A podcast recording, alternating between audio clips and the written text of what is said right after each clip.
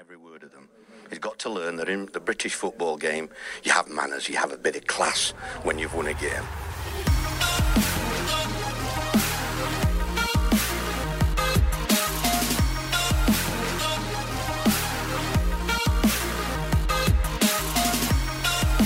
You have manners, you have a little bit of class when you win a game. Eh, det ble jubel i Manchester likevel, men ikke hos de lyseblå. Nedrykksstriden, den eh, lever. Hvem rykker ned? Eh, kanskje får vi rangert keeperne i eh, Premier League. Vi eh, minner eh, Ray Wilkins eh, som de gjorde på Stamford Bridge. Og hvem vinner den signerte Alexander Sørloth-drakta? Men vi begynner på Etihad, og til å være med oss den neste timen, så er det Simen Stamse Møller. Du var her uten meg eh, for et par uker siden. Var det igjen? Gikk det greit? Ja, det var, jeg hadde veldig gode gjester, så vi landa på beina, tror jeg. Syns dere det var koselig å være her for dere selv? Ja, det var litt rart. Føltes litt som å være aleine hjemme når man er sånn 15. Litt ulovlig, men eh, mest gøy. Og Erik Torstvedt, du er alltid her når Simen har vært alene forrige gang. For å Ja. få dere liksom tilbake på sporet igjen. Ja, sant. Eh, Men eh, det må jo være vanskelig, Simen, når du føler på en måte at Kaspers ånd på en måte henger over stedet. Ja. Må du kikke deg over skulderen av og til og lure på er han her, Det er litt sånn som Ferguson og eh, de som skulle ta over etter han. Altså. Your job now! The chosen one. You're chosen!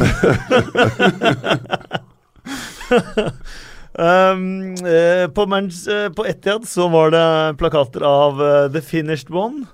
Eh, han var på ingen måter finished. José Mourinho og Pep Guardiola har på ingen måte vunnet ligaen riktig ennå. I alle fall ikke i både teori og praksis. Eh, hva sitter du igjen med et matchen? Det var jo et eh, større vi kunne drømme om, nesten.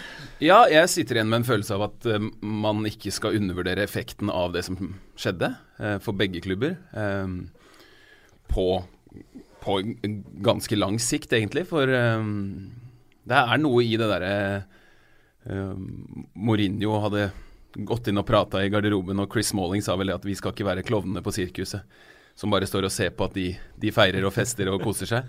Her skal vi stille opp, liksom. og, og jeg, jeg tror det gjorde veldig mye spesielt for Mourinho eh, i tiden som kommer. Det er hans eh, største triumf, sånn jeg ser det. Eh, ok, trofeer, ligacup og, og Europaliga er vel og bra, det, altså, men akkurat Det var sånn skikkelig statement, følte jeg, å, å slå tilbake. Eh, Game of two halves har vel aldri vært eh, mer beskrivende uttrykk for en kamp. Altså. Du mener at det var større enn å vinne Europaligaen? Seriøst? Hæ? Kasper, nå må du være med meg, altså. Dette kan han ikke slippe unna med. En pokal som du kan sette i skapet, og som kommer til å stå i bøkene for evig tid. Og det er klart at Denne matchen her kommer til å leve, men til syvende og sist så betyr det jo ingenting, bortsett fra den rene prestisjen. Pokaler og- i skapet er undervurdert. Ja, det er jeg, sagt jeg, så lenge, da. jeg, jeg, kjøper, jeg kjøper det at uh, pokaler er bra, men jeg, jeg må bare si at jeg tror at for Manchester United-fansen så var det der enda deiligere sånn Når man har Ajax i en finale i Europaligaen, så er det liksom Det er Manchester United. Den skal man bare vinne. Det hadde nesten vært skandale om man ikke gjør det. Men det der var liksom bare sånn Det, det, det kom fra ingen steder. Og så er det noe med at Pogba bare gjør det. Eh, når man begynner å liksom lure på Mourinho har tiden løpt fra han, Pogba er han virkelig så god? Og så får man det på en, på en omgang. Det er mulig det er litt Så sitter du med spørsmålet Guardiola, har tiden løpt fra han? jo, men altså, det er jo For meg er det en sånn greie Fotball er sykt, altså. Og marginene er så sabla små. Sitter ikke og leder 4-0, og man hadde sittet her og prata om Mourinho og ræva og krise, og, og så bare snur det. Og Det er kanskje Eh, derfor denne kampen her har den eh, betydningen som Simen snakker om. òg. Ja. Hvis det er den psykologiske betydningen som f.eks. på langt sikt gjør at man kan, og ikke så langt sikt heller, gjør at man eh, får den selvtilliten tilbake i klubben som gjør at man kanskje er med i kampen om Premier League-tittelen neste sesong sammen med Manchester City. Jo, men på den annen side kan du også si Kommer ikke City til å lære av dette her? Det gjør de nok. Ja. Du lærer av sånne ting, altså. Og en annen ting som jeg tar med fra den kampen, er at vet du hva? Liverpool, tre mål. Det kan jeg greie, altså. Måten de spilte på, og hvor mange mål de kunne ha skåra.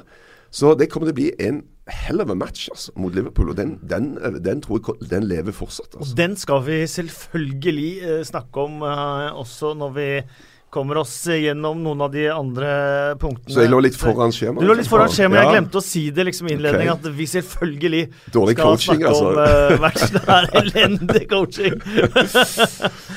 Um, du snakka om Game of Two Halves, og for Paul Pogba så kunne det jo ikke blitt tydeligere Game of Two Halves. For nesten, jeg har nesten aldri sett en spiller være så, på så ulikt nivå i to omganger. Mm. Nei, og så kokte det jo sånn i huet hans etterpå, så du så bare hva det betydde. Han, han er jo sånn For hele merkevaren Paul Pogba, så var jo det der det var jo Det er på en måte hans sesong redda litt, for det har vært veldig mye, og med rette, veldig mye kritikk mot han, for han han sliter virkelig med å, å, å bare ta tak i kamper og eie dem. Da. Jeg tror han har gjort det sånn fire-fem ganger i, i United-karrieren at han dominerer, at han styrer, at han setter standarden i en kamp.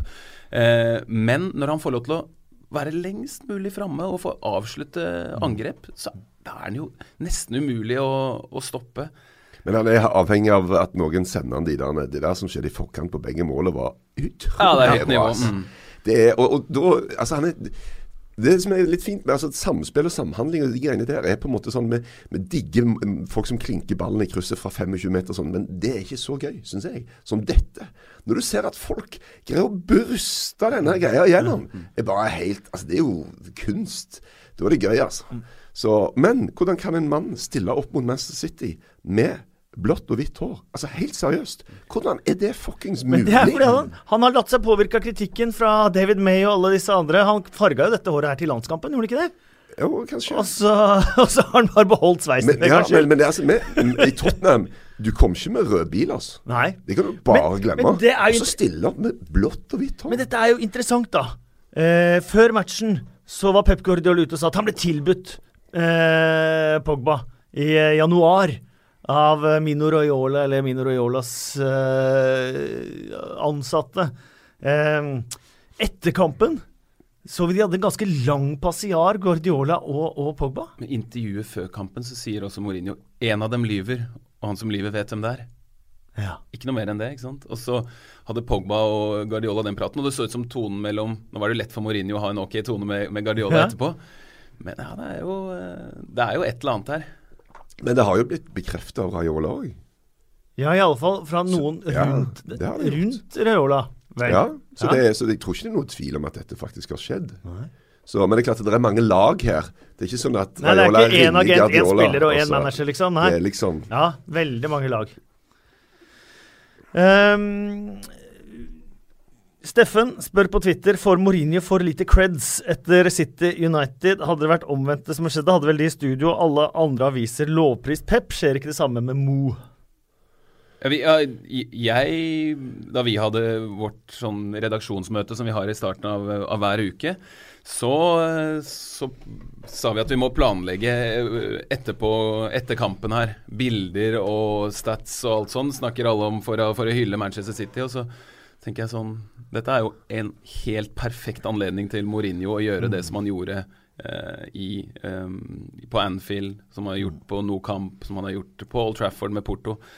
Og, og jeg mener jo det at, eh, at man At vi, vi hyller det jo. Vi, vi sier jo at det, er, eh, at det er veldig bra. Og fotballen hans er jo lagt opp sånn at hvis de følger hans, hans plan, som er som handler mer om struktur og taktikk enn eh, enn kanskje mange andre som har store lag og som skal spille litt mer offensiv fotball, så er det jo avhengig av at individene leverer.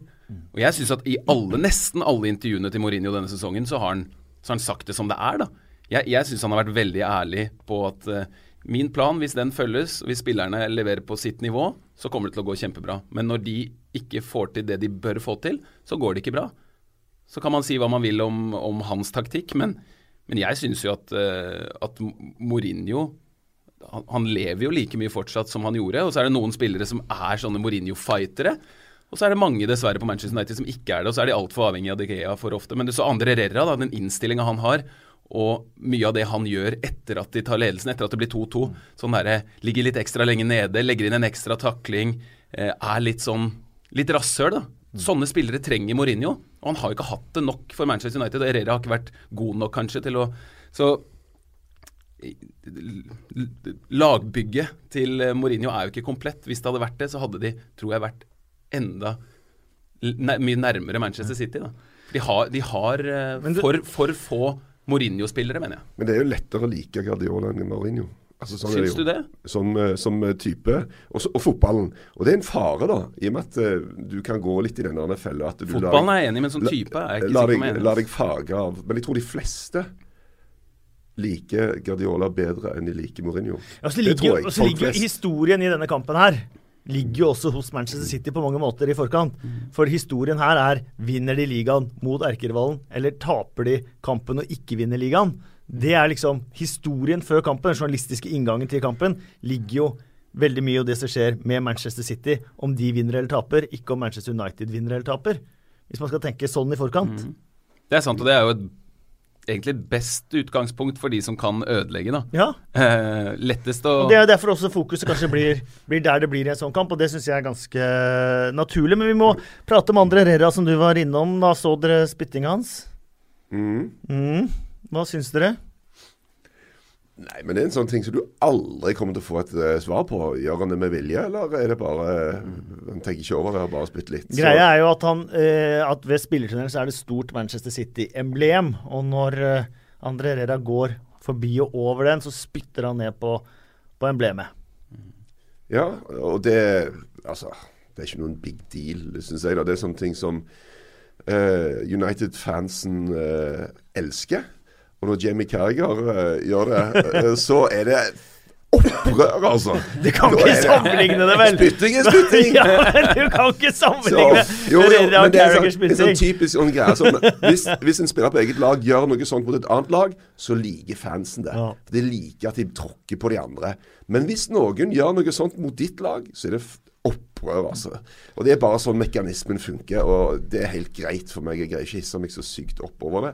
Og vi kommer aldri til å få et svar på hva som foregikk inni Herreras skalle. Om det var en nøye planlagt greie han hadde tenkt ut flere uker i forveien, eller om det var bare in the moment, som noen vil si. Det vi må snakke om, er taklingen taklinger fra Ashley Young til eh, på eh, Sergio Aguero. Eh, har dere sett eh, Det har dere antageligvis, men ikke veldig mye klarere verken straffe eller rødt kort. Nei. Og jeg har også sett sånne Ofte er så Det der, når du ser leggbeinet til Ja, ja. Aguero som begynner å bøye seg der, ja, idet knottene treffer, eh, treffer innsida av legget, øvre del av leggen. Men det jeg skulle si var at man, man, man ser eh, folk som legger ut på sosiale medier sånn stillbilde av idet taklinga settes inn, så, så treffer jo Ashley Young på ballen. Ja. Og så bare Nei, jeg er ikke straffe. Men så fullfører han jo så innmari inn i Og jeg, jeg syns det er helt sjokkerende at ikke dommer klarer å forstå det. Ikke bare ut fra kraften inn og at man skal Men reaksjonen også, og da mener jeg liksom eh, ikke reaksjonen fra tribunen, men sånn reaksjonen fra spillerne og fra Aguero. Sånn, det er jo helt åpenbart Han får jo ordentlig vondt i det det skjer, og det får man ikke bare hvis det er en helt vanlig takling som, som treffer litt på, på foten. På den måten du ser liksom også, Du ser sånn at det, det, bikker litt i beina hans. Den er elendig dømt akkurat der. Jeg tror han er, han er, øh, han er litt uheldig òg, for han har jo retning mot ball, men at han tør. Og Ashley Young gjør det, det greiene der ganske ofte. Han tar sjanser inni der. Og det er nesten litt irriterende at han slipper unna med det, for det burde han ikke gjort. For det er egentlig ganske dårlig forsvarsspill å hive seg inn på den måten der, altså.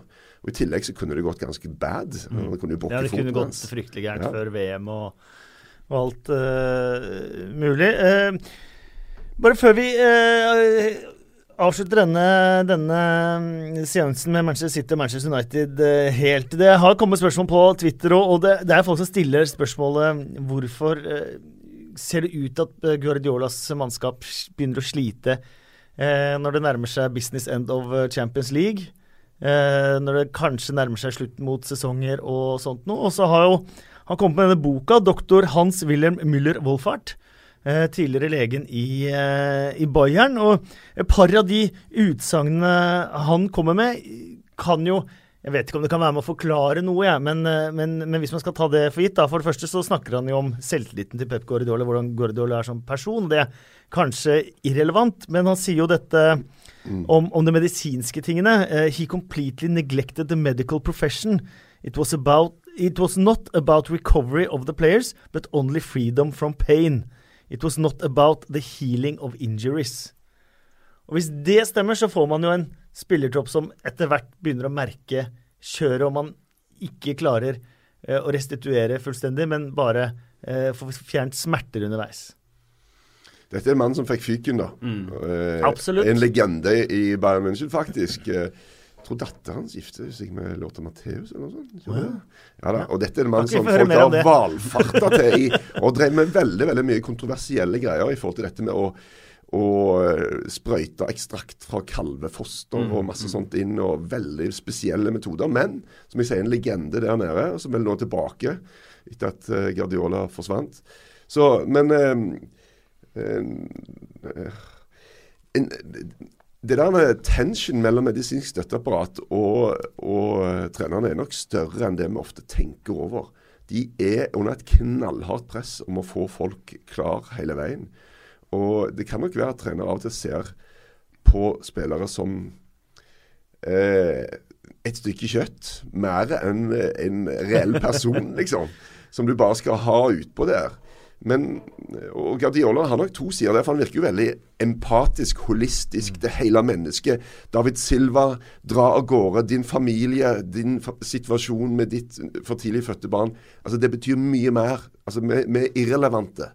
Men når det gjelder det å vinne, så er han jo òg eh, ekstremt eh, ute på ene enden av skalaen. Så det kan, det kan nok stemme, det. altså. Men det er jo kanskje litt tilfeldig da at disse kampene kommer akkurat nå. Um, men det har jo vist seg, mener jeg da, at, eh, at du kan gå i strupen, og du kan rattle og få City ut av det. Og Derfor irriterer det meg så sinnssvakt fortsatt at så mange lag ikke engang prøver. De bare trekker seg tilbake, ligger der og håper på å vinne i lotto på et eller annet vis der framme i løpet av matchen. Når det, når det viser seg at det går an. Og nå sier alle ja, men det er sånn du skal spille mot uh, City. Tottenham prøvde de. Tottenham gjorde akkurat det samme, og de ble knust. Ja. Så det er ingen sånn de, uh, sikker oppskrift. Nei, du slår dem ikke Men, hver gang. Men, du nei, ja, men husk på at det, det var den Tottenham-kampen. Det var det høyeste nivået omtrent Manchester City har vist i sånn frispilling bak fra Ederson som bare prikka Alt var bare helt perfekt i den Tottenham-kampen. Eh, og det er jo logisk å gå i strupen på og det er ikke så, er ikke så veldig kre, det er ikke krevende fotballmessig sånn på noen som helst måte å gå i strupen på et lag med fullt trøkk, høyt press, alt sånn. Det er jo risiko involvert. Men logikken i det er jo å gå løs på Manchester Citys dårligste spillere når de har ballen. For, for så fort den kommer opp til David Silva, De Brøne, eh, Sané, Støling, Aguero og de gutta der, da har man jo nesten ikke sjans, i hvert fall ikke til å vinne. Man kan være griseheldig og få uavgjort. Men Bristol City gjorde jo det i, Ja, ja, i cupen til og med. Crystal Palace òg la seg ikke bare bakpå de da de spilte 0-0. res- Reservelaget til Wolverhampton.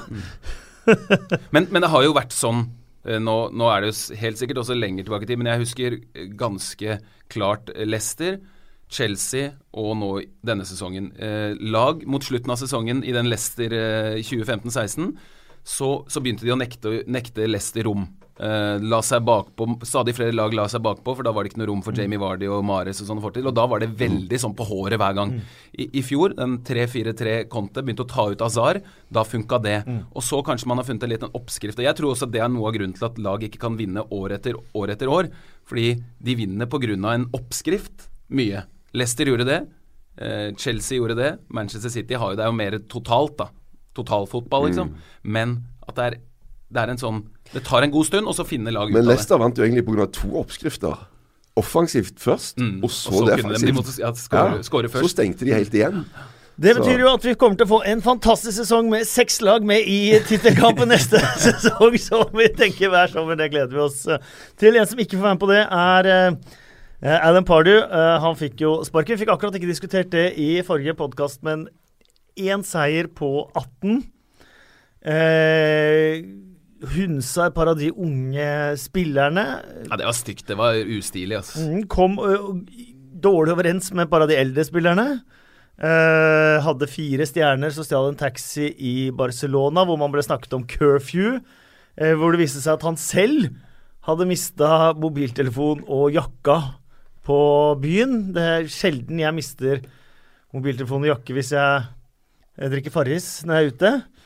Uh, Og da også sier du at han var dritings? Sitter du, Kasper, Nei, sier du at par Pardew jeg har ikke Jo, sagt det noen ting. Jeg sa, nå snakket jeg for meg selv. Nå snakket jeg for meg selv og bare konstaterte Det blir ikke mye tydeligere enn det, ja. Mobiltelefonen og jakka si. Uh, dette gikk helt ekstremt gærent. Ja, det gjorde det. Det hadde vært utrolig gøy å visst hvor de hadde vært hvis de hadde beholdt Tony Pulis. Altså Det kan godt være de på akkurat samme sted. Akkurat samme det. kunne de vært. Men, men de Men det hadde vært spennende. kunne hvor hadde Stoke vært? Hvor hadde Crystal Palace Ja, ja. vært? Så, men, men det er liksom eh, Pardew, Mark Hughes Altså denne resirkuleringa av noen som Sikkert det er bra, men, men Alan Pardew i hvert fall en enten-eller-manager. Enten går det bra, eller så går det helt ræva. Ja. Og her har det bare gått ræva. det kan være fra halvår til halvår Ja, ja, i samme sesong. Ja. Men er det Har, du noen sånn uh, seiersprosent etter den dansen hans? På Wembley der? Ja, det tror jeg faktisk. Etter den dansen Ja, har det bare gått rett ned, eller? Ja, den tror jeg må ligge på under 10 jeg. Ja. Apropos det, så hørte jeg nå en seiersprosenten til Sunderland de siste tolv sesongene. De har vunnet 101 kamper. Eh, det er 92.-plass av 92 ligaklubber. Nummer 91 har vunnet 137 eller noe sånt. Ja. Det er hyggeligere å være Newcastle.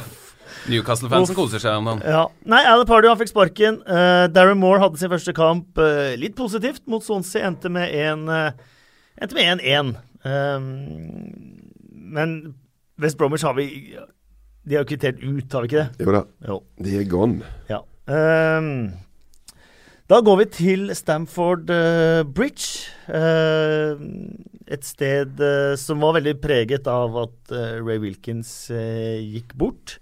En av de spillerne jeg husker fra jeg var liten. Jeg husker han veldig Ja. godt fra VM 1986. Husker jeg at jeg sitter kanskje de klareste minnene fra Ray Wilkins uh, igjen fra jeg var så litt sånn slepen.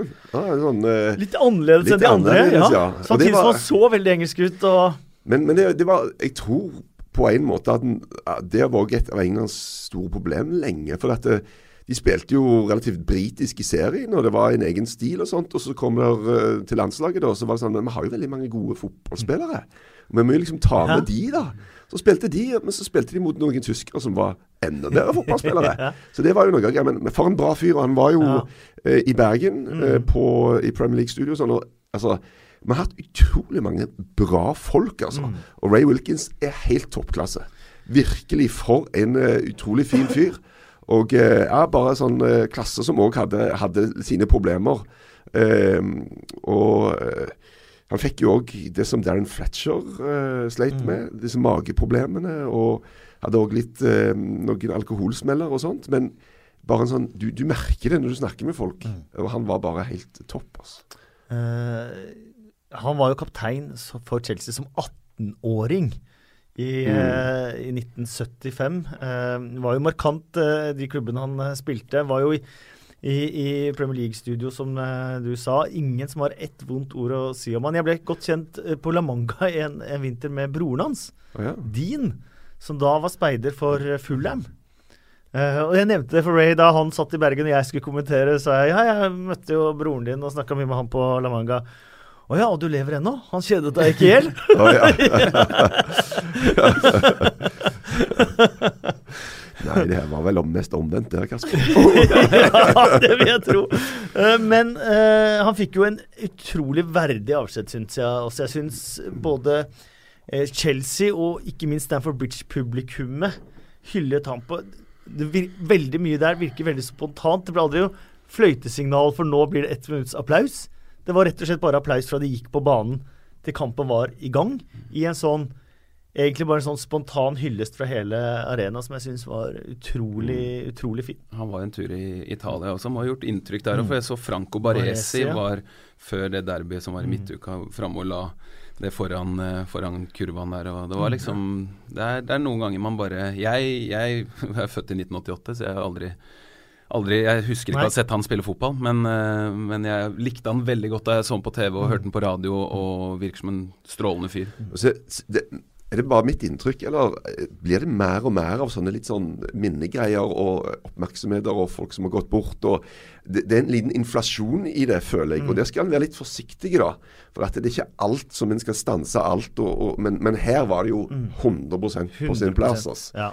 Så, men, men det er klart at klubber ser at det å ta hensyn til historien, det å hylle gamle helter, ting som har skjedd før jubileer, et eller annet. Det, det med å knytte liksom, eh, den globale, gjennomkommersialiserte Premier League vi ser i dag, med det som har vært tidligere. og Det betyr noe.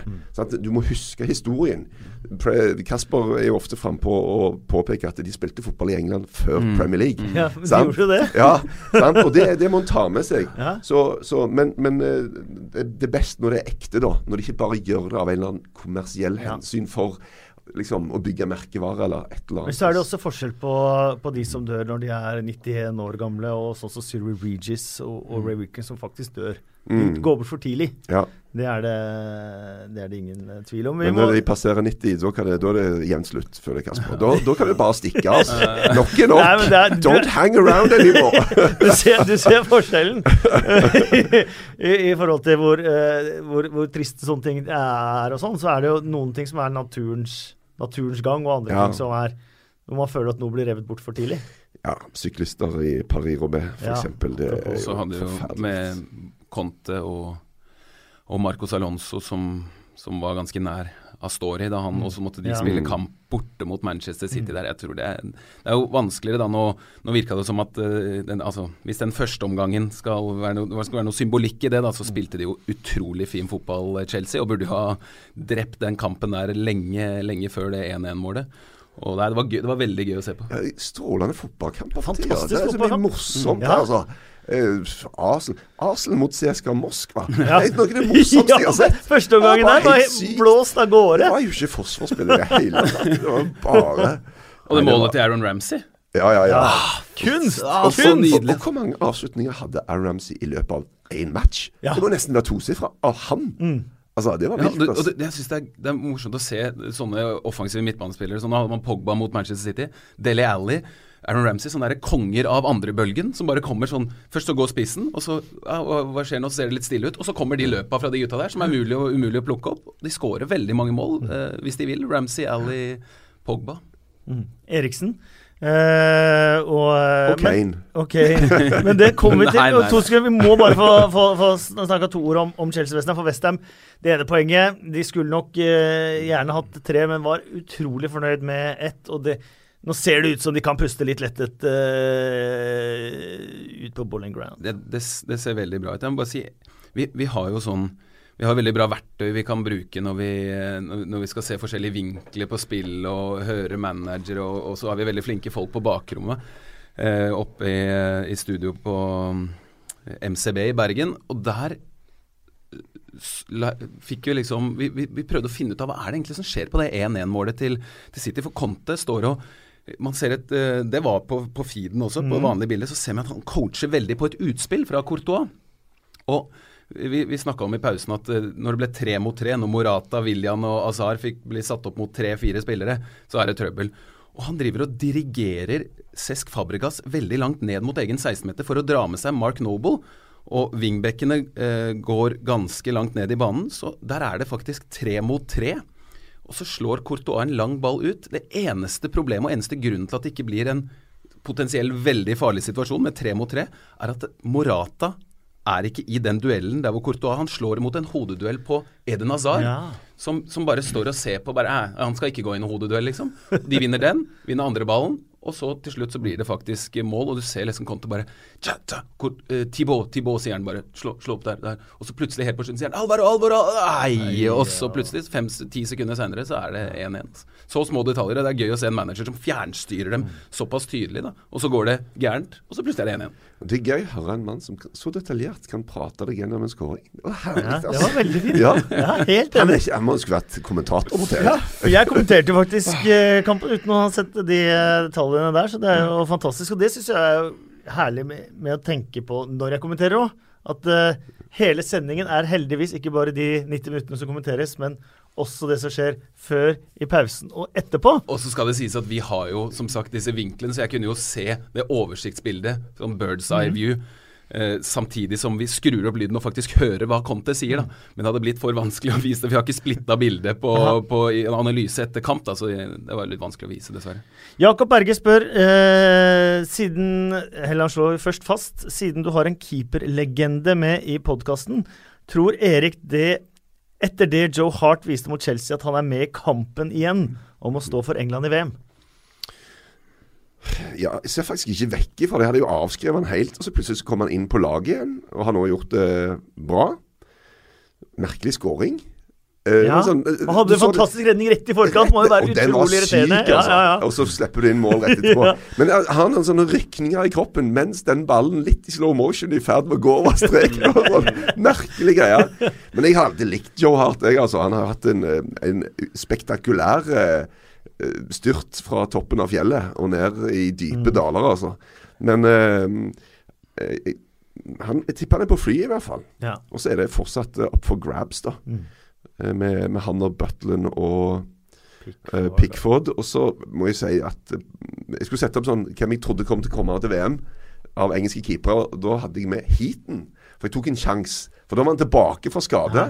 Og han er, han Det var er her, det. Klubblegende. Ja, det var her. det faktisk. Ja, Det var her. Eh, men, eh, men jeg må jo kanskje til og med si at vet du hva, han eh, eh, Sean Dyche har gjort den rette avgjørelsen. For han har, det har vært urettferdig å hive Pope ut etter den sesongen. Selv om Heaton er kanskje en større personlighet, han er kaptein, han betyr mye i klubben totalt sett, så har Pope spilt så bra at dette fortjener han. Og han fortjener til og med å være blant i hvert fall de fire da, som er i Englands sin tropp. Og da kommer vi til eh, sømløst over til eh, neste punkt her. fordi at eh, jeg, det, det slo meg litt. Er eneste kriteriet for å bli eh, landslagsaktuell for England å spille for et uh, presumptivt bunnlag, da, eller et av de dårligere lagene hvor du får mye å gjøre? Uh, for Tom Heaton var ingen som snakka om at han var landslagsaktuell før han kom opp til Premier League og Burnley, og så sto han og redda masse uh, skudd for et eh, bunnlag. Samme med Pickford. Eh, helt ok eh, karriere, i- eller et år i Preston. Helt ok på engelsk U21-landslaget. Fikk masse å gjøre i Sunderland. Masse redninger. Rett inn på landslaget. Samme Nick Pope. Eh, står der og bare tar- er det, er det noe mer som skal til? Ja, men Topplagene har jo ikke engelske keepere. Eh, men, men det er klart at det er, og det er, en, det er et ganske viktig poeng. For at det er kjempeforskjell på å stå i mål på et lag der du blir pepra, Mm og, og det å stå i mål på si et Liverpool, da, som har hatt mye fokus på keeper. Og der presset er helt annerledes, Mm. og du spiller på en annen måte. Og um, du vet aldri før du har hevet de inn der, og sett om de greier å ha den stabiliteten. Og ha såpass få feil da, som gjør at de greier å ta en plass i et uh, topplag. Så uh, det å ha mye å gjøre er ofte en bra greie, da. Men samtidig så er det faren at du, de blir en vane å slippe inn mål. Og det er heller ikke bra for en keeper. Hvis du Butlen her en periode, det var jo altså Det bare raste inn. Og da gjør det jo òg et eller annet med deg, da. At du greier kanskje ikke å legge lista så sykt høyt for deg sjøl, for at du blir slått ned i bakken hele veien. da. Så det er en balanse med disse greiene her. Sjøl var jeg så heldig å, å spille for topplag og holde et veldig høyt nivå sjøl. Det er en veldig veldig bra kombinasjon, da. Så, og Hvis det, jeg slapp inn mål, så var det som regel noen andre sin feil. Ja. I hvert fall i mitt hode. I Peter Shiltons også. Eh, men Burnley, da. Eh, hvis eh, ikke Southampton vinner FA-cupen, så er sjuendeplass Europacup neste sesong. De tok tre poeng fra Leicester i denne runden, i og med at Leicester tapte og de vant eh, 2-1. Og de ligger og pusher Arsenal og Chelsea litt der, faktisk. Og selv liksom uten de, da Steven Defour var ute, så tenkte man sånn Å, dæven, han er litt for god for Burnley. Nå, nå blir det kanskje litt vanskelig. Og de sleit litt med, med skader og sånn. Chris Wood var ute lenge. Plutselig våkna Ashley Barnes, og nå driver de med å ha Ashley Barnes, Chris Wood og Sam Vokes på banen samtidig! Ja, Sam Tror det er gøy gøy å være midtstopper da? Sam Vokes brukte 23 sekunder på å score etter å ha kommet inn som innbytter. Forrige runde skåra Ashley Barnes på en, en Ronaldo Light. Ja, ja. Det, for de, alle prater jo om hvordan kan de ligge så høyt. Alle statsene sier jo at det skulle ikke gå an. Og så møtte de veggen, og så begynte det å gå tungt. Og så har de greid å snu det òg. Det er ganske bra, altså. Det, og det er liksom gøy at den Altså Burnley er et lag vi gjerne vil ha. da Alle Ja. kan ikke være Manchester City Nei. og Arsenal. Du må ha noe av denne greia der òg. Når de i tillegg har, har gode spillere, da så ikke bare er det et maskineri, men, men gode enkeltspillere som kan gjøre sånne ting som vi har sett de siste ukene. Så det Jack Cork er god. Jack, Jack Cork Cork er han gjør mye bra. Han, er- han er sånn som går veldig under radaren, men han har jo spilt for en del sånn litt ballbesittende lag, vært eh, Southampton, Swansea. Så han mestrer både det å være en skikkelig fighter og bikkje, men også å, å roe det ned og gjøre sånn at de kan sette seg opp i innleggssituasjoner, og da blir det veldig ofte mål, da. Men var ikke han òg i den slags troppen? Jo, han var innom. Han var innom. Du Og du spilte med hans far. Mot hans far. Ja, sannsynligvis. Mhm. Ja. Hva heter han? Alan. Alan Cork, Cirka ja. I Wimbledon. Og han hadde ca. like mye hår som eh, du har nå da han spilte, men han prøvde å hente litt. Ja, men Var var ikke han manager òg en liten periode? Jo da, det var han også vært. Mm. Det stemmer bra. Uh, Stoke Tottenham. Uh, Tottenham vant uh, 2-1. Eh, Christian Eriksen hadde et fri Ja, skåra 1-0 eh, før eh, Nei, Mam, ja, Mambiram Diouf uh, skåret det stokeste målet vi har sett denne sesongen. Um, før uh, Christian Eriksen da slo et frispark som Kane mener han var borti, men det er vanskelig å se om det er noen retningsforandring eh, der. Men de skal få lov til å diskutere det. Uh, nok en gang så skøyt Shakiri i stolpen på et avgjørende tidspunkt i kampen. Stoke ser det stygt ut for med tanke på å overleve, men kanskje den største Tottenham-nyheten denne uka er at Daniel Levy, eh, Tottenhams eh, sterke mann, eh, styreleder, tjener 115 000 pund i uka, mens en spiller som Aldervereld tjener 80 og en spiller som Kane tjener 100 000 pund i uka. Eh, er dette noe Tottenham-spillerne sitter og prater om i garderoben? Nei, jeg tror ikke det. For at, eh, altså, tenk utrolig mange store avgjørelser den mannen tar. Han har løfta fram et stadionprosjekt. Altså Egentlig så er det ikke så veldig rart, totalt sett, syns jeg, at han tjener det han gjør. Men det, det rare er jo Men at spillerne ikke tjener mer. Men klarer er spillerne å se det at eh, det er helt fair at han tjener mer enn meg? Ja, Det tror jeg ikke noen av spillerne har egentlig noen problemer med. Men de tjener for lite. Altså i forhold til de andre spillerne. Det er det som er interessant her. De drar og går på landslagsoppdrag, eller de agenter snakker med hverandre. De vet hva de andre tjener. Ja, ja. Og, og det er klart, i lengden så kan du bare kompensere med én ting. Og det er at her er det så dritshow å være, for vi har det så bra. Og i tillegg så vinner vi ting. Og Hvis ikke Tottenham gjør det, eller har de greia der, så kommer det til å gå i oppløsning. Så dette kan på mange måter være good times for Tottenham. Kan se tilbake om fire-fem sesonger og tenke at dæven, da var det bra. Eller det kan vippe rett vei. Um, ved en kombinasjon av at de begynner å betale spillerne litt mer, og at de begynner å vinne ting. Og det nye stadion, da, som er jo en magnet Men eh. Arsenal eh, måtte betale bruke mindre penger på spillelogistikk da de eh, bygget Emirates.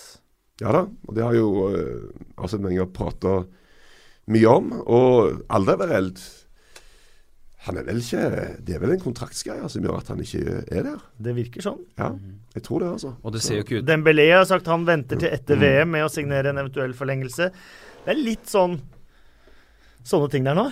Ja, men det ser jo ikke ut til å være sånn, I hvert fall ikke sånn startelvemessig så ser det ikke ut til å være verdens største problem når man har fått opp en spiller. Han, Da- Davinson Sanchez er jo fortsatt Han har en feil eller to i seg i hver kamp, men han redder så mange eh, han, som potensielt skikkelig farlige situasjoner. Da. Han er eh, en diamant, altså. Det, det er en utrolig morsom spiller. Og så har han den Fertongen som er mer sånn leder ved siden av seg, som betyr enormt mye. Hvis jeg hadde jo Ryan Mason på besøk og som snakka om Jan Fertongen. Han, han sammenligna Det var gøy da han sammenligna Jon Børrestad med Jan Fertongen. Og så bare Hæ, hva mener du med det?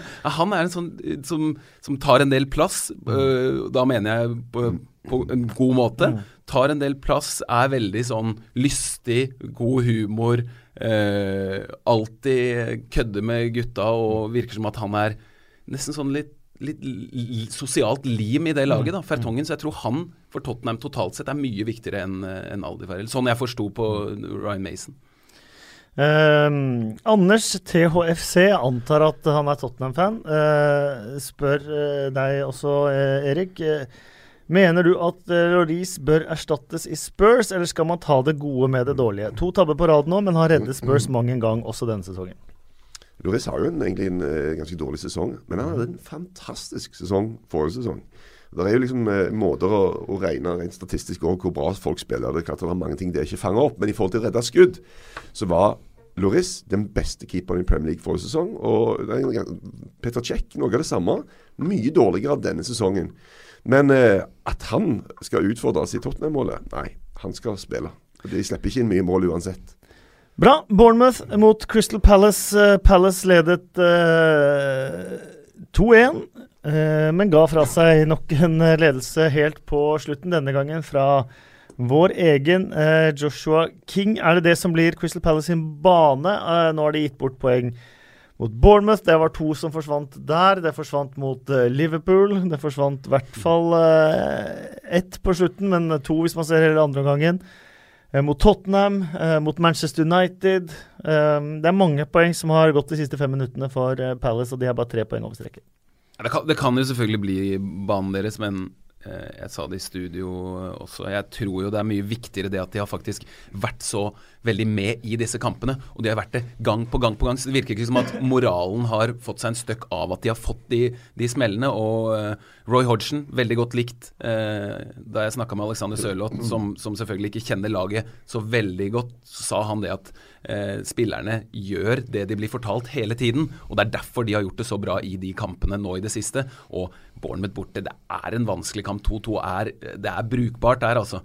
Og, og når man gir United eh, Liverpool, Tottenham, City tidligere. Såpass bra kamp. Det er, det er et lag som er for eh, både bra kvalitetsmessig og for godt styrt, tror jeg, til å, til å rykke ned. Joshua King med seks uh, mål uh, nå, Erik. Uh, du skulle vaske bilen hans hvis han klarte 15.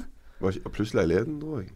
Det er ja, 16. 16, ja. Eller, eller, 13 spillemål, da. Jeg har sett Straffene kan en liksom Ja, jeg har sett bilen til Joshua King.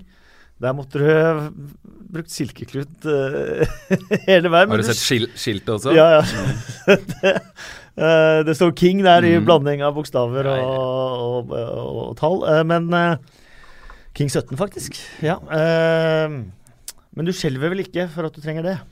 Nei, jeg har jo skåra litt nå, da. Ja, seks nå er totalt, da. Men, han har sånn skitt med skader og sånn som er litt sånn uforutsett, da. Men, så er det vel et par straffer. Hadde vel tre straffer i fjor, ja. to nå, da. Mm. Men Eh, det er jo ikke verst at han eh, han har jo etablert seg som straffeskytter, for det var jo litt sånn mm -hmm. uh, for grabs i Bournemouth. De hadde jo ikke en fast straffeskytter, faktisk. Men uh, Han kommer ikke til å skåre så mye mål som han gjorde forrige sesong, men det er jo fint at han skårer mål nå. og det, For landslaget betyr det jo mye å ha han skikkelig på hogget. Men offensivt så begynner jo Bournemouth å få, selv om de sendte Benik Aforbe unna, som spiller fast på Wolverhampton, som sannsynligvis er et bra Premier League-lag. Så har de Leis Mosset, som har kommet inn og begynt å Etter å ha ikke skåra Jeg liker den engelske uttalen der. Leis Mosset. Leis Mosset. Mousse. Chocolate mousse. Um, uh, og så har du jo uh, Joshua King som skårer, og du har jo uh, Defoe som uh, skårer litt. Og uh, Callum Wilson, da, som jo er et ganske sikkert kort på topp. Så de har jo ganske mange strenger å, å spille på. Og så. ingen har hentet flere poeng fra losing positions denne sesongen enn uh, Bournemouth med 18. Men ja, uh, vi var jo møtte Alexander Sørloth uh, forrige helg på Crystal Palace. Han signerte en drakt. Det proklamerte vi på forrige podkast at vi skulle si hvem som har vunnet den drakta. Og i og med at vi er inne på Crystal Palace, kan vi like godt gjøre det nå. Mm. Altså en uh, bortedrakt. Uh, Crystal Palace signert av Alexander Sørloth på fremsiden. Og vi ba jo om ting på Twitter, da. Uh, ehm, 2plpod kan du bruke hashtaggen, eller du kan følge 2plpod på Twitter. Uh, Jason Silvermann. Hei! Min sønn, som blir syv år den 9. april. Det er i dag, så masse gratulerer med dagen. Og jeg var på Sellers Park i helgen og håpet å få se Alexander Sørloth. Hadde vært stas å kunne overraske ham med signert drakt. Jeg syns han skal få den drakta. Mm -mm. Mm -mm. Han til og med lagt bilde også ved av sønnen og Patrick van Anholt. Ja. Som han da fikk møte til etter, eh, etter kampen. Men det er litt sånn Hva er det med skaden er litt sånn frustrerende når du kommer over og så får du en greie, og så tenker du landslagspausen. Ja ja, det retter seg vel, og så gjør det ikke det. Så, og nå så jeg jo at Hodgson eh, mente at uh, Saha og Townsend på topp hadde vært så bra at han i grunnen ville kjøre videre med det. Ja, Uavhengig av Benteke kommer tilbake. Og det var vanvittig bra. Også ja. måten de vant ballen også oppe, mm. høyt oppe mange ganger. Mye løpskraft. Men det han sa til oss, uh, var jo det at det var rett og slett blitt for mange ja. for harde kamper på kort tid. rett og slett. Og han, og han spilte, han spilte kant uh, i de tøffe kampene. Mm. Og hvis man ser på Hvis man kan bruke sånne spurte- og løpestats og sånn til noe, så er det vel kanskje det at dette her ser slitsomt ut. Altså Han var en av de som Han var den som løp mest i den første mm. kampen, og mm. de to neste så var han blant de tre eller noe sånt som løp mest på banen. Og kommer rett fra, Eh, fra Danmark og, og, og, det som det er, inn til Premier League. Han sa det har vært grisetøft fysisk, liksom. I tillegg når du har en kropp, en fysikk, som ikke egentlig er skapt for de mange kilometerne så setter det sine spor. Ja. Så håper vi at du får en flott bursdag, eh, syvårsdag, da, hjemme hos familien eh, Silvermann. Arsenal de slo Southampton 3-2 etter at Shane Long skåret sitt andre mål på 48 kamper, var det det? Eh, Charlie, Mustafi, Austin. Charlie Austin kom eh, innom eh, innpå og utlignet 2-2 for Danny Welbeck. Og han har vel ikke skåra siden oktober, så Shane Long og Danny Welbeck i samme kamp. Tobias Øen spør burde Welbeck bli tatt ut til VM. Jeg, jeg, skjønner, jeg, skjønner jo ikke helt hva, hva de skal med, Ikke med Jeg han. sier og tenker liksom, nei, egentlig. Altså, men han skårer sånn 20 mål fra nå til slutt. Men er, jeg føler ikke at han er sånn impact-spiller som kommer inn fra benken. Han har liksom ikke noe sånn den derre Å, nå kommer han inn, da gjør vi det på den Ja. måten. Nei, jeg klarer ikke helt å se at han Heller uh, Peter Crouch, da. Ja. Ja, altså. Ja, Ja, hvis man skal ha en impact-spiller, Ja, ja. selvfølgelig. Det er jo mm. nesten innlysende. Uh, Arsenal, uh, vi har snakket om det så mange i så mange podkaster, så hvis dere vil vite hva vi mener om Wenger, siste sesong, alt mulig sånn, så er det bare å bla seg gjennom podkaster. Men vi er jo alle enige om at matchen mot CSKA var fantastisk. Eh, og at de antakeligvis går videre. Ja. Eh, Det er et par gode lag igjen, eh, men eh, muligheten for at Wenger kan overlevere skipet i sommer til en annen kaptein med Champions League-spill, er jo til stede. Ja, jeg vet ikke hva oddsen er. Det er, det er vel odds på den slags òg. Men det de er nok kanskje det beste laget som er igjen. Altså når når de er, på sitt, når de er bra, da. Og ofte syns jeg, da at Atletico Madrid, eller? Ja, Atletico Madrid. Atletico fortsatt. Ja. Ja. Men uh, Det hadde vært en fantastisk Ja, da. jeg tror Tenk nok deg Atletico og, Arsenal i og der har du to så vidt forskjellige Ja, ja. stiler Ja. på storklubber, topplag. da Det ene laget som, som prøver så godt de kan å spille nydelig fotball hele tiden, og kanskje ikke alltid, eller ikke alltid får det til. Uh, også Atletico Madrid som, som alle bare løper rundt og spurter hele tida som en sånn boks rundt på banen. Der man har, jeg har lyst til å se to kamper. Jeg har lyst til at det skal bli det i semifinalen, så man får sett både borte og hjemme Atletico Madrid-Arsenal. ja, men hvem eh, tror du vinner? Jeg tror Atletico Madrid. Tror du? Eh, jeg var, var Jeg møtte en fyr som het eh, John forrige helg. Arsenal-fan. Han har stått på venteliste for sesongkort i om det var seks eller åtte eller ti år eller et eller annet på Emirates. Denne sesongen hadde han endelig fått sesongkortet sitt, og han syntes det var stusslig at det var den sesongen hvor det var glissent på, på Emirates. Og han hadde stått i venteliste så lenge for et sesongkort når han ikke hadde noen folk rundt seg på kamp. Eh, men Arsenal har nå tre mål eller mer i fem strake hjemmekamper. Det er første gang siden 1958. Det er ganske typisk at de gjør det når det ikke er folk der, da. Ja, og det ikke er så veldig mye igjen å Eller jeg har jo den Europaligaen å spille men eh, ja. Men, men jeg, jeg har bare inntrykk av at, på, at dette skjer ofte. Når de på en måte huker av, de kan ikke vinne ligaen og sånn, så på en måte eh, Take these shackles off my feet so I can dance. Så setter de i gang, da. Og akkurat nå har de vært de går Litt hjulpet av motstanderen òg, da, men det har jo vært ekstremt gøy. Det er litt tilbake til sånn som du Arsenal var, der, liksom, de har mista litt underveis. da, For de har ikke spilt så dritbra som, som du husker de for noen sesonger siden. Men nå liksom litt, litt tilbake til hvor det er bare ekstremt underholdende å sitte og se på. Og så kommer man til å få se Mesut Özil og Aubameyang oftes, oftere sammen i tiden som kommer. Og neste sesong, det gleder jeg meg skikkelig til. Altså, der har de en duo. Og så var vi så vidt inne på det forrige podkast også, men eh, måten Aubameyang gir fra seg hat tricket på forrige helg til uh, Lacassette Aubameyang vet at han skal ikke spille Europaliga mot uh, CSKA. Han vet at der skal Lacassette spille. Han vet at Lacassette ikke har skåra på lang tid. Gir straffesparket til Lacassette for at han skal få god følelse. Og Lacassette skårer to mål mot uh, CSKA. Ja, det må, det må, det Det er, jeg, jeg, jeg må bare hylle Aubameyang for Mm. den der. For spisser, man snakker om at de er egoer. Eh, man snakker om at de, det er grabber de alt til seg selv. Vi ser Kane som mener at skjortekanten var borti, borti ballen for å få skåringa si, og det er helt naturlig at han gjør. Men det, Men- det, det stemmer sannsynligvis. Sannsyn, ja, han er en ærlig fyr. Alle sier at Ja. han har rett, så det Men, sannsynligvis. men det er òg riktig å gi mål til Christian Eriksen. Ja. Ingen andre kan se det. Og da er det greit å gi det det du kan se. Ja. Men, Men- jeg er helt enig med deg. Men det, men det at Aubameyang gir den hat, første hat trick i engelsk fotball som han kunne fått så tidlig, gir den bort. Og så har det vært veldig mye snakk om, uh, om hvordan de skal løse de to, da. I og med at jeg, altså det, Aubameyang spilte en del kant tidligere, men han er klart best som midtspiss. Og uh, med 20 minutter igjen nå sist. Aubameyang skal ikke spille på torsdag, så, så bytter han ut han. Jeg ble irritert for det, for han var kapteinen min på Fantasy. og inn med, inn med Lacassette, men de har absolutt ikke gitt opp Lacassette. Altså, det skal de heller ikke Nei. gjøre, for han, han har han, han er veldig god. Han har, eh, selv om han ikke har skåra så veldig mange mål, så, så har det mer med sånn samhandling å gjøre enn hans kvalitet. Så de har ikke gitt opp han, og han eh, Det er mulig å få begge de to til å spille samtidig. Ja, Aubameyang han mister et mål, men han vinner så utrolig mye mer. For Det mange sitter akkurat sånn som vi Ja. sitter her og snakker om hvor dritbra det er. Og da er det ikke bare som fotballspiller en teknisk detalj du gjør, men da er det faktisk som menneske.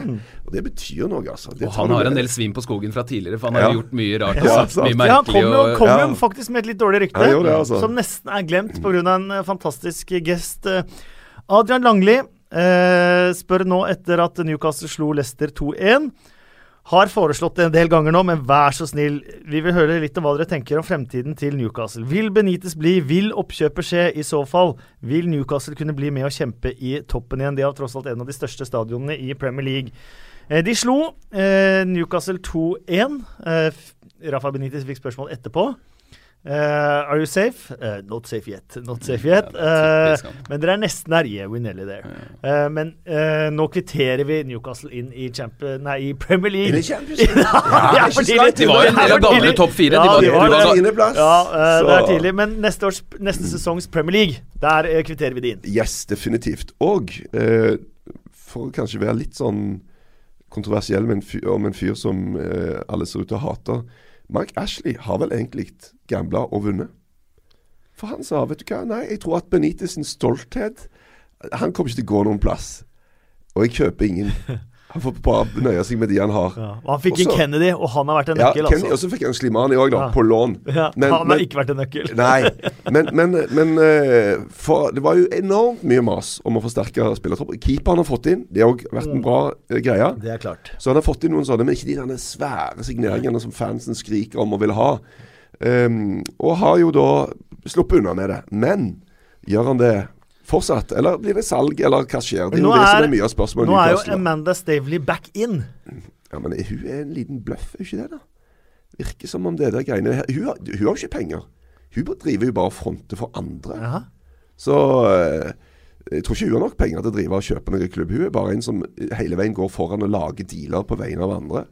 Så eh, Jeg tror ikke Benitez gidder Mike Ashley et år til. Nei. Eh, og det, det, det I går, altså da er vi ja, søndag morgen, så, så kom det jo eh, rapporter fra pålitelige kilder, aviser i, i Spania, som går på at, eh, at Real Sociedad har veldig lyst på, på Benitez. Og Real Sociedad er en, eh, er en bra klubb, en solid, ganske stor klubb som har eh, Det er en fin by, og der er det Det ligger også et eh, veldig potensial der.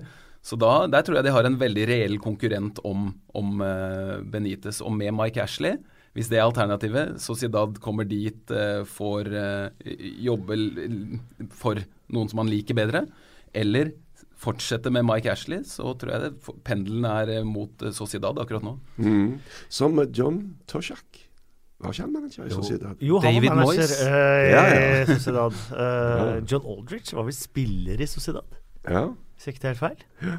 Men det er jo et men det er- baskerlag. Ja, og det er et lag som har lange engelske linker. Som Mm. også Og, og det var derf, derfra han henta Chabi Alonso. Til, Ja. det Men det var vel ikke sånn at Atletico Bilbao og Real Sociedad begge var Basks only?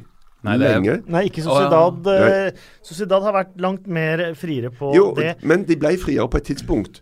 Og så gikk det ikke så bra med de som de gjorde med Bilbao, da, som vel ennå ikke har rykka ned. Har de det? Nei. Ikke alltid vært oppe. Jo, Det er tre lag som alltid Og så har mista, Ja. de, mista de Laporte og henta inn eh, han eh, Inigo Martinez, som er eh, stoppersjefen til Real Sociedad, bare for at vi må finne beste mulig baskeren og, Ja, ja. som kan erstatte. Men de har også, de har også sluppet opp på de reglene, Basker-reglene òg, altså. Hvem har gjort det? Eh, Bilbao, tenker Bilbao, du på? ja. Eh, Ja. Jo da, det har de gjort. Så det, det holder liksom litt mer med baskisk fetter nå, altså. Enn eh, enn de gjorde. Det må man jo Det er vel et, et område i Frankrike òg som Ja, der er jo Laporte, eh, eh, Laporte fra. grensen, liksom. For hva som er greit. Laporte kan spille både for Frankrike og Spania, han. Det er et fascinerende konsept, da. ja, det er det. En podkast verdig, Kasper. Det er det. det da skal jeg be Det Petter vil, sånn, invitere sånn, det vil bli sånn med Catalonia også, hvis det blir løsrivelse av Men hvis Barcelona hadde vært sånn med Ja. Catalonia, så er det også for, Det vet jeg, fordi vi har et hus i den franske delen av uh, Catalonia. Så da Ja. kan jeg kanskje Du Vi kan har adresser der jeg kan spille for Barcelona. Ja. Kanskje Det hadde vært noe. Simen i Spania. Kanskje få stemmerett der også, etter hvert, hvis du betaler eiendomsskatt der. Jeg lurte på den gule greia du har på trøya di her. eh, Hva er det for noe? Gule symbolet du har på. skal ikke ha noen politiske symboler her, eh, Simen. Så det Kan jeg få lov til å promotere litt min egen fotballkarriere veldig kjapt? Skal du møte Vålinga? Det er helt riktig. Ja. Onsdag 18. april har vi blitt nå. Årvoll Vålerenga fjerdedivisjon mot uh, Tippeliga. Helt åpent. Men, Helt åpent. Helt men du, får De første ti. du får ikke spilt den kampen. Jo, jeg ordna sånn at Nei, jeg, du jeg, jeg, jeg er egentlig satt opp på jobb onsdag-torsdag, men det er kamp tirsdag der også, så jeg får bytte hvis Trevor Ja, Morley vi, skal, gidder. vi skal jo ha sånn eh, Premier League-kommentator-ekspertseminar i Glem det Bergen. Jeg tror, jeg tror ikke du slipper unna den, Nei, faktisk. det er tirsdag, det! Jeg tror ikke du slipper er unna den. Nei. Eh, helt til slutt, uh, Everton-Liverpool, et uh, Mercyside-derby. eh, som pleier å være øverst på lista på sånne podkaster og programmer og på alt, men det ble, og det lå vel i korta, en relativt uinteressant affære. Ja, det blei det. Det var jo kjedelig. Ja. Og det, er jo, det skal ikke være sånn. Så Skuffa over eh, Everton i store perioder, og så fikk de den sluttspurten da jeg måtte inn og kommentere fra studio. Der. Jeg Lå i en saccosekk, og plutselig så mista vi lyden fra, fra Goodisen. Eh, det var hektisk. De, eh, de fikk det som de ville, Liverpool, i den kampen også. Ja. Eh, ben Rooney, er han ferdig nå? Um, Eller sitter han på flyet? jeg Det gjør han ikke. sa- nei, nei, altså um, Jeg var jo veldig overraska og skeptisk over den uh, overgangen, fordi uh, jeg følte at han ikke var bra nok. Men så skåret han jo mye mål i begynnelsen, men hadde en kjempeuttelling. Og han har gjort utrolig mye rart òg denne sesongen. Hvis du setter sammen the worst of Wayne Rooney sesongen 17-18, det er det mye greier, altså. Men jeg liker jo fyren. Jeg ønsker han alt vel. Og, men, men jeg tror beina er godt, altså. Han er Fysisk så er det ikke bra nok lenger. Og det ser ut til å gått utover, utover teknikken hans òg, rett og slett. Så jeg er stygt redd at dette her kommer til å bli en litt sånn vond greie. Der du bare ser at han forsvinner lenger og lenger ut i, i rankingen, liksom. Tenk at han var- er født samme år som Cristiano Ronaldo. Ja. Og er, men han var jo Han har jo nå spilt i 15 år, hvor han aldri har sett mot benken når et innbytterskilt er kommet opp. Eh, nå er han den første som titter over når eh, innbytterskiltet Mm. kommer. Det er en annen måte å spille fotball på òg. Ja, det er det. Og eh, vi har jo eh, slengt så mye dritt om Sam Allardyce at eh, det bør vi kanskje ligge litt lavt med. Eh, han har vel kanskje ting som eh, krever litt respekt, han òg. Men det er klart at når han skryter over hvor utrolig bra Liverpool er, og så stiller de med Klavan på bekken, og de har Ings og Solanke, og de har jo et Liverpool-lag som ikke er det som er det beste, i hvert fall, Ja. hvis du skal si det mildt, så bør du kanskje gå i strupen på det. Men eh, nei, det er for dødt og forsiktig og, Og de, og de, ikke bra de peip etter ett og et halvt minutt. På, da, Ja. da de la seg lavt, så peip dem på Goodisen. Altså. Eh, Rikard Mathisen spør om du bare kan si to ord om Karius, og hvordan han har utviklet seg denne sesongen. 13 clean sheets på siste 23, om jeg ikke husker feil, skriver Mathisen. Ja, han har jo uh, gjort det som han måtte gjøre. Han har spilt bra. Og så har, ser det ut som han har fått et litt mer stabilt forsvar foran seg òg. Van Dijk har nok hatt en, eh, en effekt der, men eh, Karius må bare stå og løpe ut nå, så er det liksom ingen snakk om hvem skal stå i mål for Liverpool neste sesong. da. Så, og det, det, liksom, det å få begravd denne greia der, tror jeg betyr noe. Sånn at Nei, eh, ser bra ut, men kravene er skyhøye når du spiller på en, den type lag. Må bare fortsette å ta ballen når han kommer. Altså. To ord om eh, nedrykksstriden må vi eh, også ha. Da regner vi nedrykksstriden eh, nå fra 13.-plass til 19.-plass. West Bromwich har 21 poeng, 10 poeng opp til trygg plass med fem kamper igjen å spille. De kvitterer vi ut som nedrykket. Men så har vi Stoke på 27, Southampton på 28. Det er de som er under streken. Crystal Palace på 31, Huddersfield 32, Swansea 32, Westham 34 og Brighton 35. Ehm, hvordan regner vi nå uh, nedrykksstriden, eh, folkens? West Brom er vekke, eh, så tror jeg at eh, det er et eller annet av Stoke eller Southampton som greier å legge inn en liten spurt, altså. Og at Huddersfield ryker. Men Southampton de har altså Chelsea hjemme neste gang. De er Leicester borte etter det. Eh, før de har Bournemouth hjemme, og så har de Everton borte, Swansea borte, og så har de Manchester City hjemme. Det kampprogrammet til Southampton det virker nesten umulig. Jeg syns de så helt forvirra ut. Jeg. Visste ikke helt hvordan de skulle spille fotball lenger. Fordi Før så var det liksom ba, eh, Det var så mye ball possession at uh, man ble jo litt svett av det. Og i hvert fall når det ikke var, noe, uh, noe av, det var noen avslutninger, men det var ikke noe mål. Uh, og så nå skal de bare ligge og vente og kontre, og de får ikke til det heller spesielt godt. De bare slo ballen høyt opp på, på Shane Long, og det verste var at det ble jo ganske skummelt mot det Arsenal-forsvaret noen ganger, men, men eh, jeg, jeg, jeg syns det var bekymringsfullt å se en, en kamp hvor de egentlig bør være så mye bedre satt opp og rusta til å, til å få til det der greiene der, og, så, og så klarer de det ikke. Eh, Stoke Swansea i siste serieomgang. Det kan jo bli oi! Stoke greier seg. Altså, Å ha siste hjemme, det er statistikker over den slags, det betyr ekstremt mye. Da øker jo sjansen for at du skal greie deg veldig. Da. Men de Så- avslutter altså hjemme mot Crystal Palace og borte mot Swansea i de, i de to siste Stoke. Mm. Og Stoke, og de var borte har mot Swansea. West Her Ham- sitter jeg og snakker om at hvor- hvor- Ja.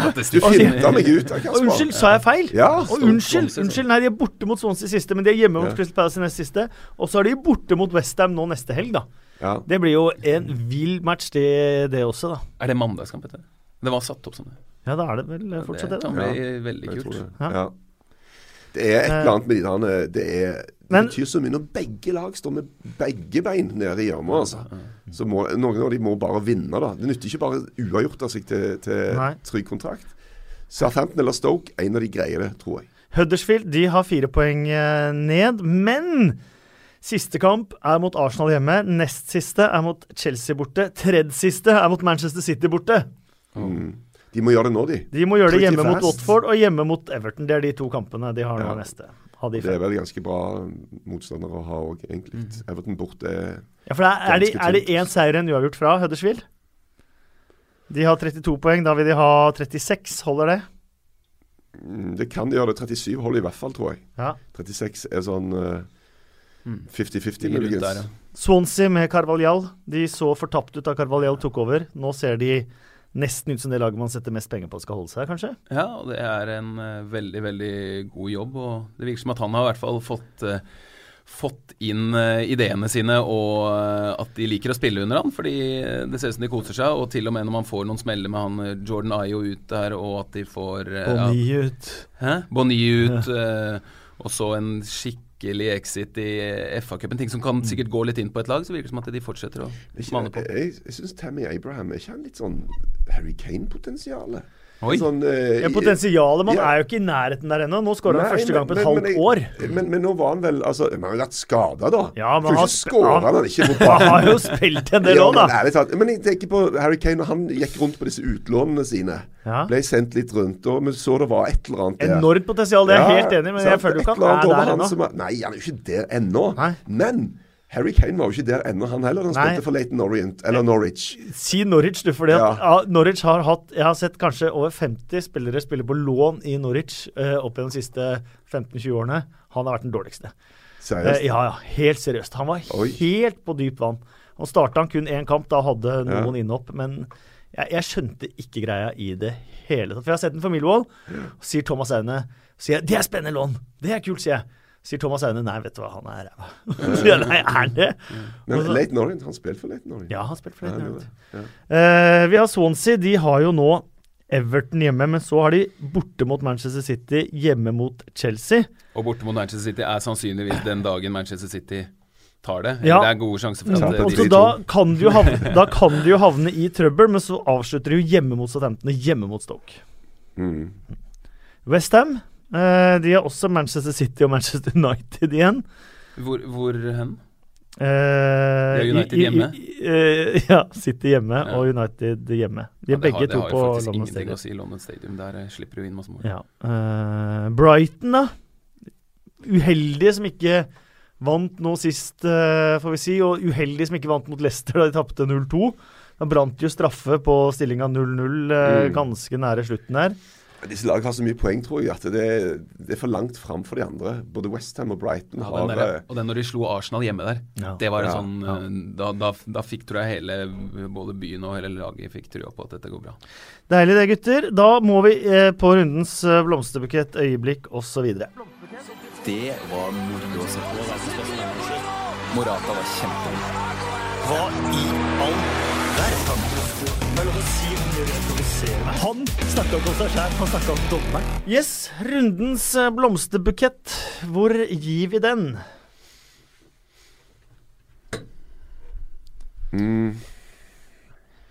Kommer like bardus på hver gang. Ja, det Altså, gjør burde det. du Selv om jeg sier det på altså. forhånd. Hæ? Men uh, Det er jo veldig rart å, å se vekk fra den store kampen. Da. definitivt. Jeg- Jeg, jeg tenker kanskje at øyeblikket kommer derfra. Ja. Med, Small, med, med Smallings Kanskje Smallings scoring 3-2 er øyeblikket. Eller Young Aguero-øyeblikket. Og, og Pogba har blomsterbuketten, f.eks. Eller eh, Pogba blomsterkettet er jeg med på. var Herrera som brysta, var det ikke det? Jo, Herrera brysta. Jeg er til Herrera for brysting. Ja. Rett og slett. Ett treff i brystet er nok til en blomsterkast for meg. Altså. For det var bare så sykt bra. Selv med spytting òg. Ja, gjorde han det, da? Ja, men da eh, skal vi bare gi blomstene til Herrera, da. Og øyeblikket, da? Er det egentlig Youngs eh, takling på Aguero, eller er det Smallings scoring, eller er det Pogbas uh, vending av match på Selvfølgelig Smalling-scoring. Når det blir 3-2 der også. Og noe med bare hele det, det bildet av Smalling med eh, Company som jubler i bakgrunnen, og Smalling som ser helt eh, ferdig ut eh, på gresset, og så er det bare snudd eh, om, og så er det Chris Smalling. Det er jo øyeblikket. det øyeblikket? Kontrollert avslutning. Også. Da får de begge de to. Og så eh, Nå har jeg en ukjent helt. Eh, nå vet ikke jeg om dere har sett årets scoring i engelsk fotball som ble skåret i helga. Eh, men eh, det skal dere få se nå. Så skal jeg egentlig bare høre og se reaksjonene deres når dere får se det som eh, antageligvis er årets mål i engelsk fotball denne sesongen. Skåret på et nivå under Premier League. Skal vi se, vent, bare litt mer sånn her.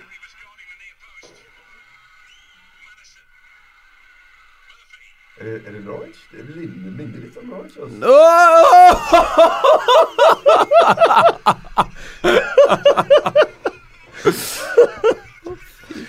Jeg visste ikke Han- tett, jeg tett hadde det i seg. Han, er vender den i krøstang og inn fra drøyt 25 meter. Stillestående.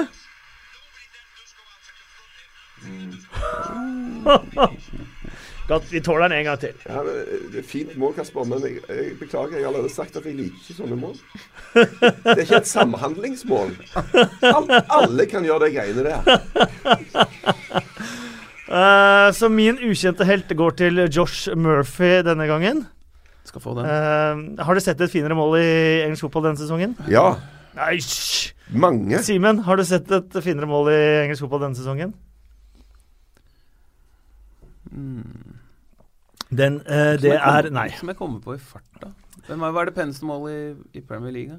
Eh, Espen Wee mente at det var det til Jamie Vardy, der han får ballen over skulderen og avslutte med venstre her. Ja, det der er jo bedre. Eh, Det er jo det. Eh, Kaktus tar jeg også en divisjon ned. Vi å- åpna med et lite postmatch-intervju fra Neil Warnock, eh, Neil Warnock der, og der er det mye varianter, og det har det alltid vært. Eh, han, vi skal ikke ta fra han at han kan få seg sitt åttende opprykk, som er engelsk rekord, hvis han tar Cardiff opp. Vi skal heller ikke ta fra han at Cardiff har tippa på nedre halvdel før denne sesongen her, og at de nå ligger på andreplass. Men den oppførselen eh, etter Cardiff Wolverhampton En vanvittig match for de som ikke så den.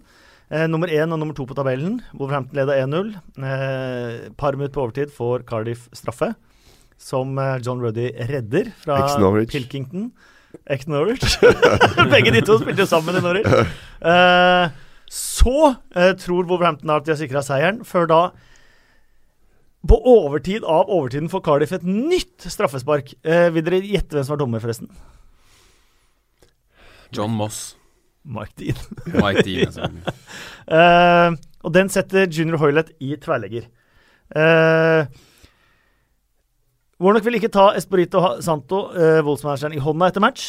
Eh, fordi at han feira for mye, eh, antakeligvis. Esporito Santo med meget ydmykt postmatch-intervju og sa beklager, det var ikke meningen å være respektløs. Jeg vil beklage til eh, Ja, han stakk av gårde og feira før han tok Warnock i hånda. Ja, det var det, som var gjorde. greia. Ja, og I England så gjør man ikke det. Man tar i hånda først, og så Ja. feirer man. Sant. Eh, men han var veldig, la seg veldig flat på det og sa han skulle gå opp til kontoret til Neil Warnock. Eh, hvor Neil Warnock da eh, helt rasende ikke ville ta imot en unnskyldning engang. Hva i alle dager har det med England og But in Britain. Ja. we show respect and yeah. some class. Class! I motsetning til i alle andre land i verden, for der er alle bare Ja, ja. Nei, disse han, eh, utenlandske degosene får pelle seg igjen. ja, Kommet hit og gjort eh, er ligaen så bra. holdning, det er litt i holdningen Ja, man du føler at Warnock sitter med, liksom. Ja, det, og det er liksom du, du, du, han, Det er en kamuflasje, kamuflasjegreie for det at de har tapt. De tapte toppkampen hjemme. Og dette er bare ren kamuflasje. Finne et eller annet å henge seg opp i og skjelle ut motstanderen. Og det er bare patetisk og ynkelig.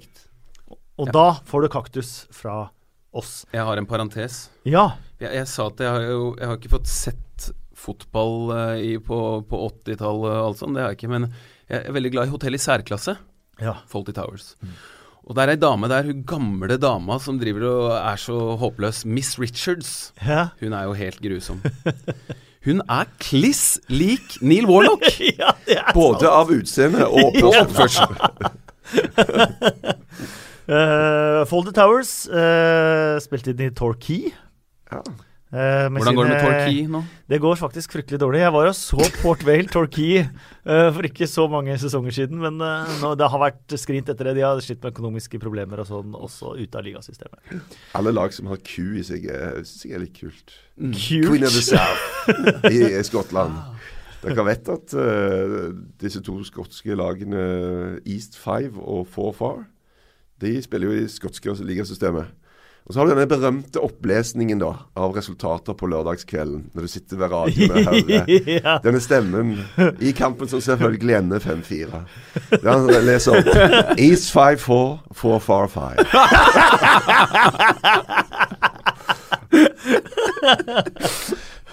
Og hvis vi hadde hatt litt mer tid, skulle vi snakket om Queens Park også, som var eh, 1800-tallets Manchester United og til og med har vunnet FA-cupen i England to ganger. Som eier Hampton, og som fortsatt er en amatørklubb. Det blir en annen podkast. Vi må ha noen ord om det vi gleder oss alle til på tirsdag. Ja, ideen lever oss. Men, men hvis Liverpool er fornuftige og spiller klokt og eh, er tøffe i skallen, så skal det kunne gå an å stå imot de greiene der. Men det blir et hekkans stormløp, altså. Jeg Jeg føler Liverpool er én scoring fra semifinale. Får de ett mål, da er det. Hva ble det når de møttes sist på Etihad? 5-0. Ja. Hadde holdt. Men hadde det var mot Men vi skal huske at begge de to Jeg føler begge de to ligaresultatene mellom Liverpool og Manchester City har løyet litt. Liverpool var superfarlig og hadde Manchester City nesten på gaffelen fram til Mané ble utvist. Og så ble det en helt annen kamp, 11 mot 10. Manchester City var langt mer med på Anfield enn 4-1, som det sto et par minutter før slutt da. Mm. Eh, Så de to kampene føler jeg nesten er litt umulig å lese noe, noe ut av, eh, med tanke på den kampen som kommer nå. Det, alle tre, egentlig.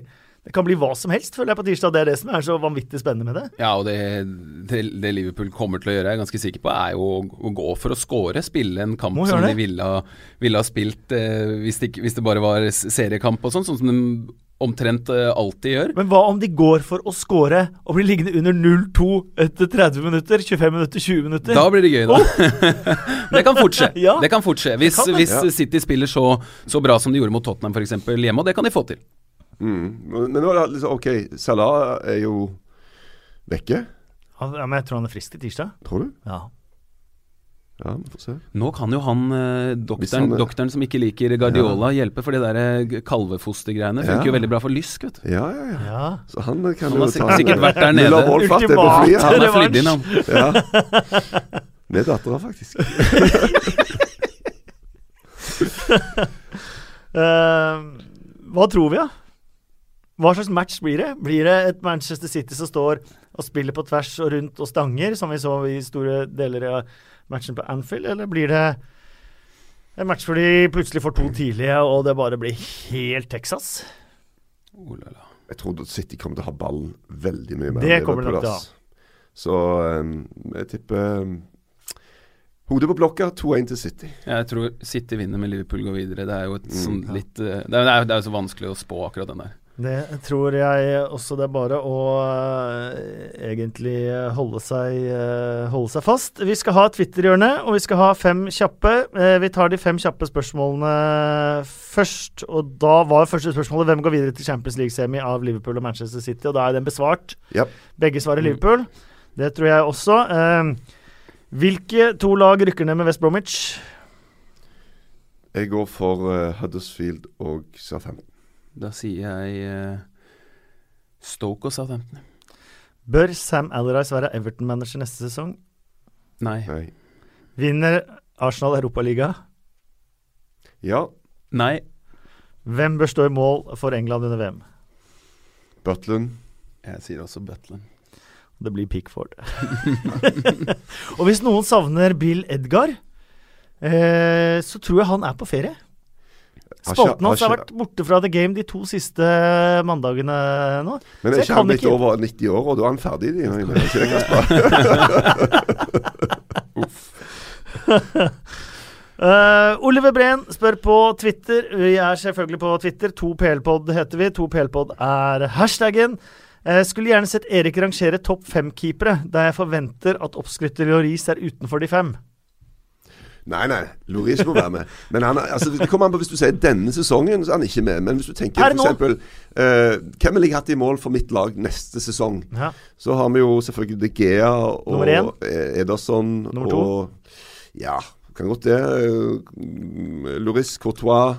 Så tar vi med oss en uh,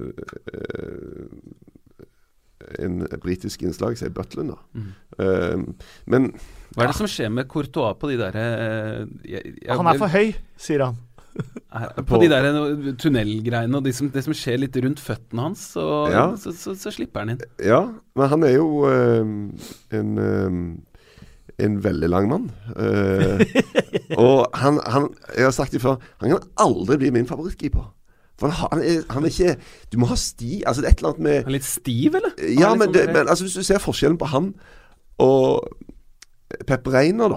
Det er enorm forskjell. Det er to vidt forskjellige. Det ene er litt sånn kul, spretten, fyker rundt der, elegant sånn. Han andre er litt sånn svær, ser nesten ut som en robot enkelte ganger, men tar veldig mye, da. Han er mye så bedre enn Reina var. Ja, ja. Der. Og så er det jo For meg så har han, eh, siden han eh, Så har han nesten alltid vært eller siste sesongene vært den beste keeperen i feltet av samtlige. Ja da, han går mye i feltet, og det er en, en litt undervurderte greie. For det er jo noen som overlater veldig veldig mye til de foran. Og Da kan du være bra, men du kan ikke være dritbra, føler jeg. Du må ta din del av ansvaret. Og alle midtstoppere elsker keepere som går ut og, og blir med, altså. Så Nei, denne rankingen, jeg vet da søren jeg, det, jeg gleder meg til VM. For at da skal vi sette opp en ranking på hvem er best i verden. Og det, det liksom, Du får sett folk ved siden av hverandre. Du får sett de liksom flere kamper til kanskje de spiller mot hverandre. da For det er veldig, veldig på um, De Gea at han er verdens beste keeper. da Så får vi se om uh, greier å pelle seg uh, Ter til, Stegen har vel tilbake i målet. Og så er det en som ikke er med, vel, som Norge skal møte. Oblak. Som ikke er med i VM. Mm. Nei, nei, nei. Nei, han er jo helt syk. Han Kyler spiller jo på det laget som du mener kommer til å vinne. Mm. Kyler Navas ble, VM ble liksom redningen for Kyler Navas. Var der han ble, bra. det er der han ble stjernekeeper. Ja, jeg jeg oppdaget han. Og hvis det er noen som Gå og søk på YouTube og søk etter keepertrening med Keiler Navas. Dette var mens han var i Var det Levante han var i, eller? ja. Han har noen sånne sy... Det var bare helt Snakk om å, å åpne øynene på en gammel fyr, altså. Som har forstått og i mål på 1000 skudd, og vel så det. Og, og liksom det- Hvor kreative de var, og hvor mye kult de gjorde på keepertrening. Det var helt sykt bra. altså. Helt ærlig, hvem av dere hadde hørt om Nick Pope før denne sesongen? Ikke jeg. Nei, ikke jeg heller. Nei. Ikke jeg heller, faktisk.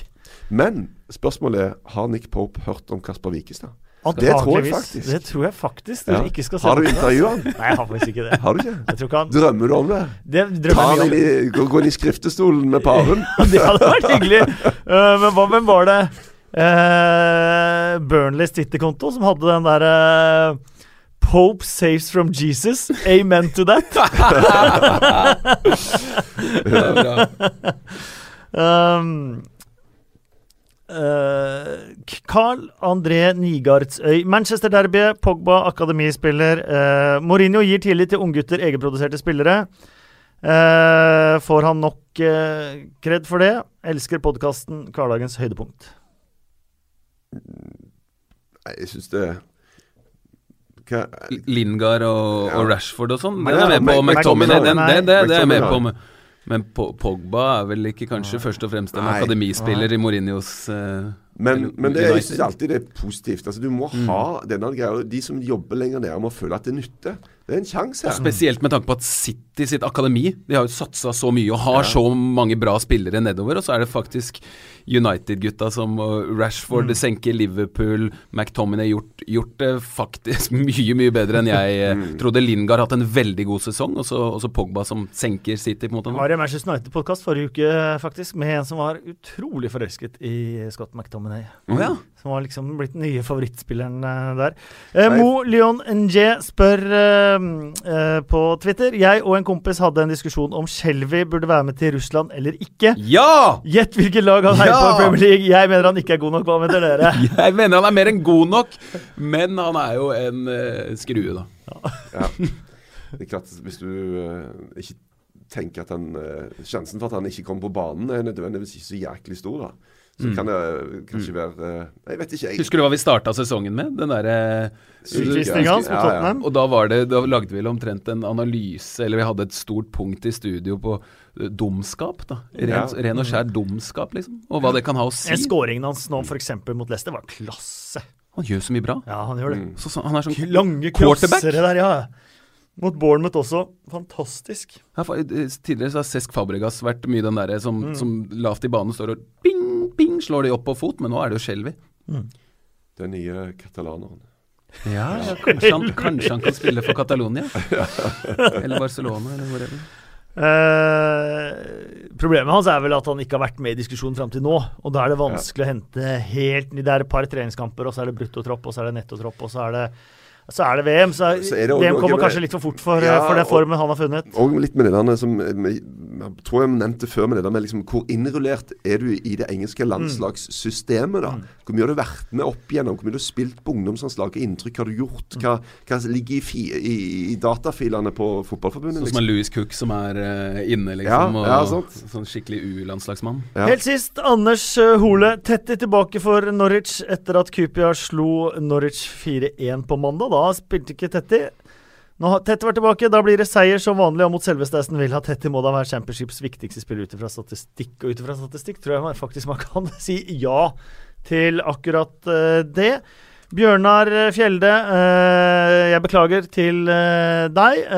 Jeg meldte saklig da det pøssnødde her for noen dager siden. Han mente at det var like saklig som at man drev og nevnte Norwich i podkasten hver gang. Så Bjørnar, jeg beklager.